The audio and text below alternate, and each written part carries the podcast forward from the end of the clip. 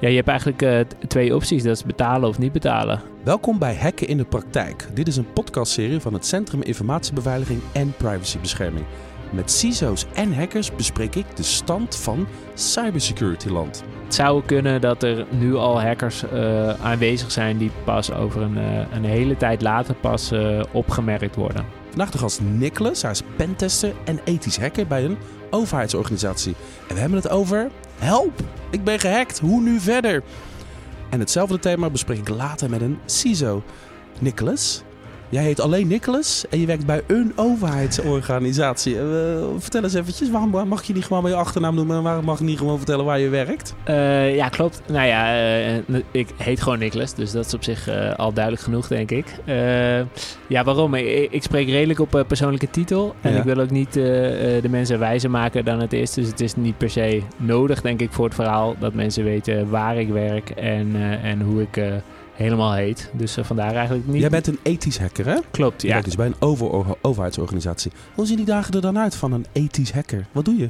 Ehm, nou ja, het is, eh, het is denk ik eh, minder spannend dan dat de meeste mensen denken. Dus eh, wat ik doe, ik zit gewoon achter mijn laptop en eh, ik krijg eh, gewoon eh, interne opdrachten binnen. Eh pentesten, dus dat betekent gewoon een eh, applicatie onderzoeken op, eh, op gaten of op eh, de veiligheid. En hoe eh, kom ik daar binnen? Hoe kan ik die applicatie gebruiken eh, waarvoor die niet bedoeld is eigenlijk? Ehm, en daar rapporteer ik dan over. En dus het is, eh, laat ik zeggen, het is eh, twee derde onderzoek echt achter de knoppen. En een derde is gewoon saai een eh, Word-documentje vullen. Het is een creatief vak, denk ik. Zeker, Zoeken, ja. kijken waar de deurtjes een beetje openstaan. Een beetje duwen, een beetje zuigen, een beetje kijken. Precies, ja. Het is, het is elke keer weer een puzzel. Natuurlijk zit er een bepaalde basis in. Hè. Je gaat eigenlijk op zoek waar heb ik als hacker controle over de applicatie. Als het een eh, statische pagina is, is het niet zo interessant. Maar waar eh, gebruikersinvoer is, dat zijn vaak de eh, interessante delen. Ja. Daar ga je naar op zoek. Heb je wat trucjes, standaard trucjes. Eh, net zoals een slotenmaker een bepaalde truc heeft. Maar ja, maar uiteindelijk zal je toch de puzzelstukjes in elkaar moeten leggen om tot een resultaat te komen. ik ga je niet te proberen te verleiden om, om, om, om, om toch te, om te ontdekken waar je precies werkt. Maar kleine vraag, kleine tipje van de sluier. Is jouw organisatie een geliefd doelwit voor hackers? Eh, ja, zeker. Eh, eh, ik, ik denk tegenwoordig in deze tijd dat elke organisatie waar veel data is of veel geld is, interessant is. Ja. Dus ja, ook waar ik werk, ja. We hebben het dus vandaag over de vraag: help, ik ben gehackt, wat nu? Om te bepalen wat je te doen staat, moet je misschien eerst even bekijken wat die hackers komen doen. En volgens mij zijn er twee, grofweg twee categorieën. De ene groep hackers, dat zijn de hackers die komen meteen boven de radar en die maken zich bekend. En dat zijn de ransomware hackers. Hè? Die, die, die, die moeten zich bekendmaken, want ze willen geld van je zien en ze hebben je, je, data eh, eh, versleuteld. eh, of, of gegijzeld of gekaapt. En die andere groep, dat zijn de mensen die zo lang mogelijk onder de radar blijven. Want die willen misschien spioneren, data stelen. Nou, dat, dat soort hackers. Ehm, misschien is het handig als je het met me eens bent om te kijken om, beide groepen apart te behandelen. Dus eerst even kijken, de ransomware hackers. Oké, je bent getroffen door een ransomware hack. Wat doe je? Ja, eh, ik denk eh, dat het inderdaad die twee groepen goed, eh, goed zo te scheiden zijn. Ehm, eh, ransomware ja, is gewoon heel, eh, eh, heel actueel en waar mensen ook bang voor zijn en misschien ook wel terecht bang voor moeten zijn. Ik maak vaak de vergelijking met gewoon een, een ouderwetse dief. Die gaat ook kijken, is er misschien, staat de poort open, staat er een raampje open. Die ramt ook niet meteen een steen door, het voor, door de voorruit. Dus je gaat eerst even op zoek naar, oké, waar zitten de ingangen? Nou ja, bij, bij een ransomware aanval... eh, is dat vaak toch de mens. Dus dat gaat gewoon via phishing, wat eh, interessant is. En daarna wordt er vanuit daar wordt er weer gekeken, oké, waar kan je dan bij? En is dat genoeg hè, om, eh, om via een persoon binnen te komen om de boel te versleutelen en om geld te krijgen, inderdaad, ja. En dan ben je binnen. En dan op een gegeven moment denk je van... Ja, ik heb nu controle over deze data. Ik heb nu genoeg impact in de systemen... om echt met, met de hoop bravoer te kunnen roepen... van oké jongens, I got you. Ik heb jullie te pakken, betalen, anders laat ik het niet meer los. Ehm, oké, dat ontdek je op een gegeven moment. Eh, hoe maak je jezelf als hacker kenbaar? Is dat een... eh, eh, ik heb wel eens een verhaal gehoord van een organisatie... die kreeg letterlijk een briefje uit de printer... van ja jongens, je bent de Sjaak, betalen. Maar hoe, hoe gaat dat proces? Hoe, hoe maak je je bekend? Ja, het, is, uh, dat kan inderdaad. Je kan het fysiek doen, maar uh, tenminste ja, fysiek in de vorm van een printje. tegenwoordig wordt het ook gewoon allemaal geautomatiseerd. Dus je krijgt gewoon een melding op je scherm en je kan niet meer bij je data hoe simpeler het is, zeg maar. Hè? Dus die mensen moeten ook hun geld verdienen. Dus als ze dat kunnen automatiseren, dus die hackers moeten hun geld kunnen verdienen. Als ze dat kunnen automatiseren, dan doen ze dat natuurlijk. Ze gaan niet met de hand overal briefjes uitprinten. Oké, en dan komt er dus een melding ergens op, op, op je scherm of letterlijk uit je printer. En dan is het inderdaad, help, ik ben gehackt. Wat nu? Uh, ik kan me voorstellen, klotsende oksels, zweet op je voorhoofd. Je moet je baas inlichten. Je gaat een telefoonboom in werking zetten. Je moet iets. Ja. Wat, wat, wat doe je? Ja, ik denk dat, eh, dat het er afhangt inderdaad van uh, waar die binnenkomt. Hè? Uh, als een, ik, noem maar wat, een CISO gehackt wordt... die zal waarschijnlijk een ander pad gaan bewandelen dan, dan een, een, willekeurige medewerker. die draaiboeken moeten bekend zijn. Wat, wat ga je doen? Nou, over het algemeen ga, je, ga je naar de service desk of de, de helpdesk mm waar je het meldt. En dan gaat daar inderdaad een draaiboek gaan ze af. Um, ja, je hebt eigenlijk twee opties. Dat is betalen of niet betalen. Is er nog een optie daarvoor misschien? Dat je eerst gaat onderzoeken, kunnen we die hacker eruit trappen? Kunnen we even terugvechten? En, en dat we dit dilemma niet meer hebben? Kan dat? Is dat nog een optie? Ja, er, er, is natuurlijk een optie om het... Uh, uh, bij elkaar te houden. Hè, om te zorgen dat de impact niet groter wordt. Dat alleen maar de data van bijvoorbeeld die computer versleuteld is. Of alleen maar waar diegene toegang tot had. Hè, dus dat kan je natuurlijk doen. Alleen die, de, de, de melding loopt wel al. Uh, in het draaiboek zou moeten gekeken worden. Oké, welke stappen gaan we zetten? Gaan we uh, dingen uitzetten of niet? Uh, of ja, gaan we inderdaad gewoon maar kijken hoe snel we kunnen betalen. Want dan over het algemeen kost dat het minste geld, zeg maar. Dus, dus dat, is, dat, dat is eigenlijk al nasty genoeg, hè? Dat je zeg maar betalen kost het minste geld. Niemand wil een hacker betalen. Niemand wil criminelen faciliteren. Ik bedoel, als je daaraan gaat beginnen, dan wordt het een succesvol verdienmodel. Dat is natuurlijk het morele aspect hiervan. En als overheidsorganisatie wil je natuurlijk sowieso niet aan meedoen. Maar uh, zijn er scenario's denkbaar dat betalen echt een serieuze optie is? Misschien meer voor commerciële organisaties, private sector? Ja, zeker. Ik, ik, denk dat het voor iedereen een goede optie is om, uh, om gewoon een reële optie is om te betalen. Uh, commerciële sectoren maken gewoon een berekening. Wat kost het mij als ik niet operationeel ben en wat kost het mij om te betalen? Die bedragen die ze moeten betalen zijn vaak ook reëel die ze vragen. ik heb op bronnen gelezen voor mij iets van 4% of zo van de jaaromzet. Dus, oh, dus ze zoeken ook precies een beetje die sweet spot waarvan die hackers dan denken, dit kunnen ze nog net missen. Precies, precies. Dus het, ze maken op zich een, een mooi aanbod uh, en, uh, en het is aan jezelf om te betalen of niet. Uh, overheid adviseert natuurlijk om niet te betalen. Je onderhandelt niet met wat voor criminelen dan ook.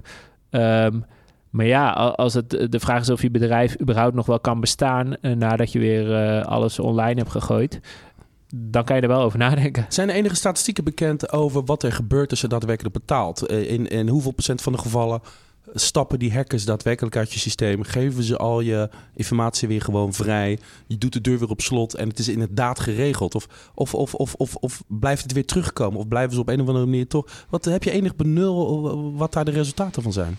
Ja, ik, heb, ik, heb, ik weet niet of ze of er resultaten zijn van dat ze kunnen aantonen dat ze niet meer terugkomen. Wat ik wel weet is dat als jij betaalt, uh, tenminste het proces is eigenlijk als volgt. Je gaat in onderhandeling met zo'n aanvaller. Um, en als jij zegt van nou, we willen wel betalen, maar laat eerst eens even zien of, of jij inderdaad wel kan zorgen dat onze data terugkomt.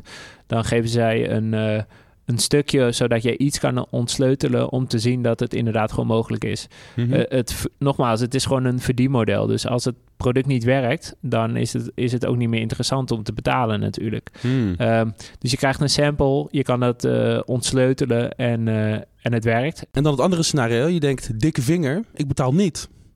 Wat is dan het scenario? Help, ik ben gehackt. Dan moet je misschien je verlies nemen en uh, je, systeem opnieuw opbouwen of zo. Wat, wat voor smaak heb je dan? Toch terugvechten? Um, nou ja, dan uh, moet je gewoon zorgen dat je inderdaad hele goede backups hebt. En dat die niet uh, ook stiekem versleuteld zijn. Als, als alles versleuteld is, dan, ja, dan is het gewoon klaar. Dan moet je echt opnieuw beginnen. Je verlies gewoon nemen. Precies. als jij wel goede backups hebt en weet hoe je dit snel weer in orde kan hebben... Dan is het ook prima. Maar zorg wel dat jouw omgeving, of dat je weet waardoor ze binnen zijn gekomen. Want ja, anders dan staan ze heel even later, heb je net alles opgebouwd en dan staan ze weer voor de deur.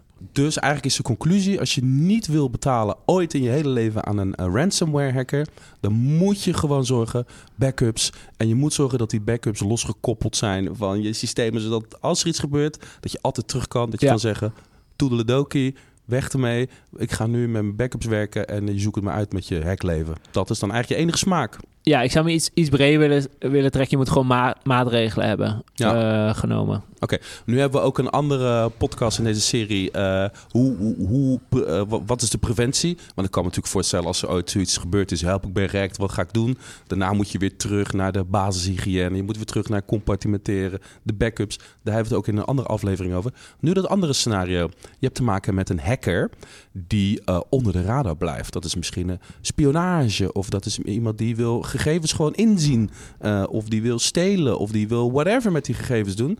Um, hoe lang duurt het voordat zo'n hacker opgemerkt wordt? Uh, voordat je in de gaten hebt, hey, er zit iemand in mijn systeem al. Wat is hier gaande? Ja, dat, uh, dat hangt er dus af van welke maatregelen je ook daarop hebt genomen. Hè. Kan je net zien dat mensen in je netwerk zitten? Vaak uh, zijn er wel een paar punten waar je misschien wat beweging kan zien in je netwerk. Uh, zo'n zo'n hacker, zeg maar, die beweegt zich eh, digitaal door jouw netwerk heen. En daar zou jij alarm op kunnen zetten van nou, als dat aangeraakt wordt, dan wil ik graag een signaal uh, hebben. Dus het hangt er een beetje af.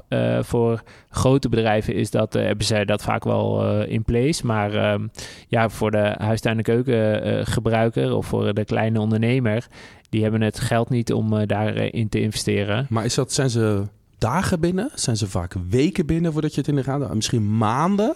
Wat, wat, Ja, dat, het, het kan allemaal. Het kan allemaal. Het zou kunnen dat er nu al hackers uh, aanwezig zijn die pas over jaren, misschien wel, nou misschien niet jaren, maar over een, uh, een hele tijd later pas uh, opgemerkt worden. Hmm. Als zij bijvoorbeeld data naar buiten brengen.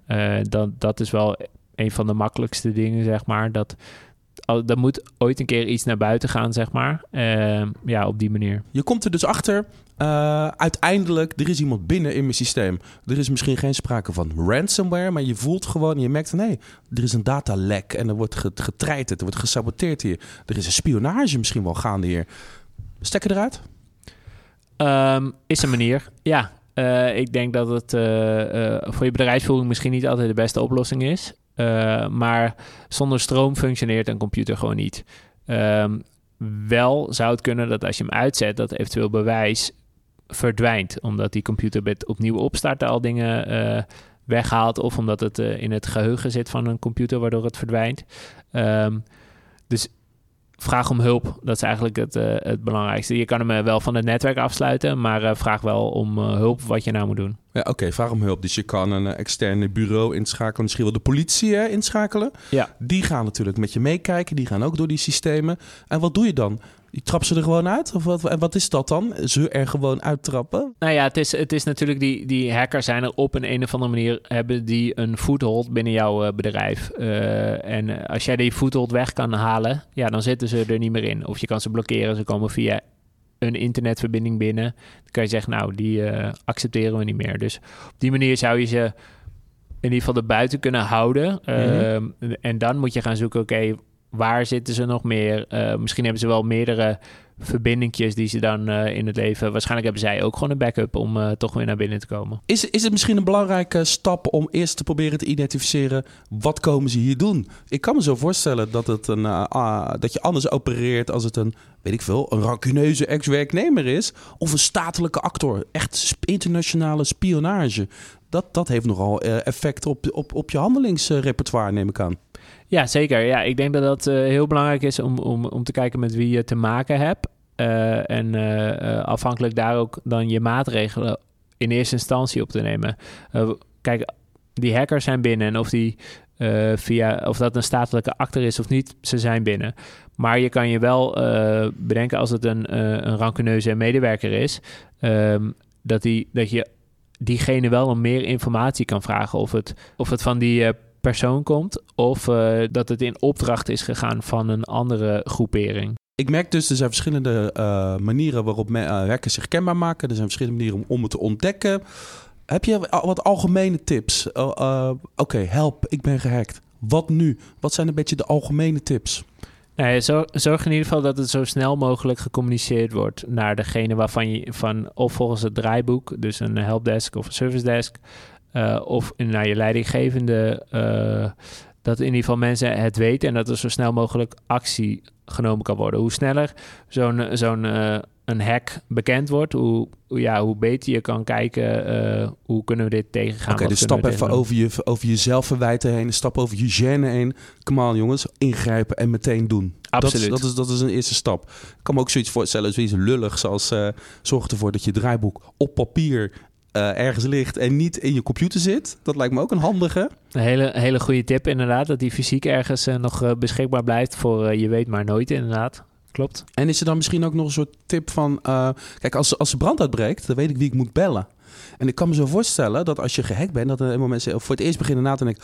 Oh ja, wat, wat doe ik eigenlijk? Dus je moet misschien een soort telefoonboom al klaar hebben staan... of je moet weten waar je moet zijn? Ja, zeker. Ja. Dus ik denk dat in uh, in dat draaiboek ook zou moeten zitten. Welke stappen gaan we nu ondernemen? En zorg dat, de, dat je gewoon voorbereid bent. Dat die contacten er al liggen. Er zijn genoeg bedrijven die jou kunnen helpen.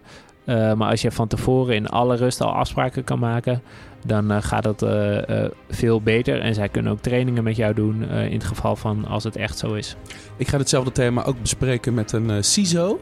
Heb jij een vraag voor de CISO? Nou ja, ik ben wel eigenlijk wel benieuwd. Een, een, een CISO, ja, je weet dat het gaat gebeuren. Hè? Je gaat een keer gehackt worden waarschijnlijk. Maar wanneer weet je niet. Maar lig je daar nou echt wakker van s s'nachts? Ah, dus hoe ga je om met die onzekerheid? Ja, klopt. Oké, okay, ik, ga, ik, ik, ik neem deze vraag mee. Nou, dankjewel Nicholas, ethisch hacker bij een mysterieuze overheidsorganisatie. Dankjewel. Graag gedaan. Hopelijk heeft dit gesprek je geïnspireerd. Luister ook de andere afleveringen terug.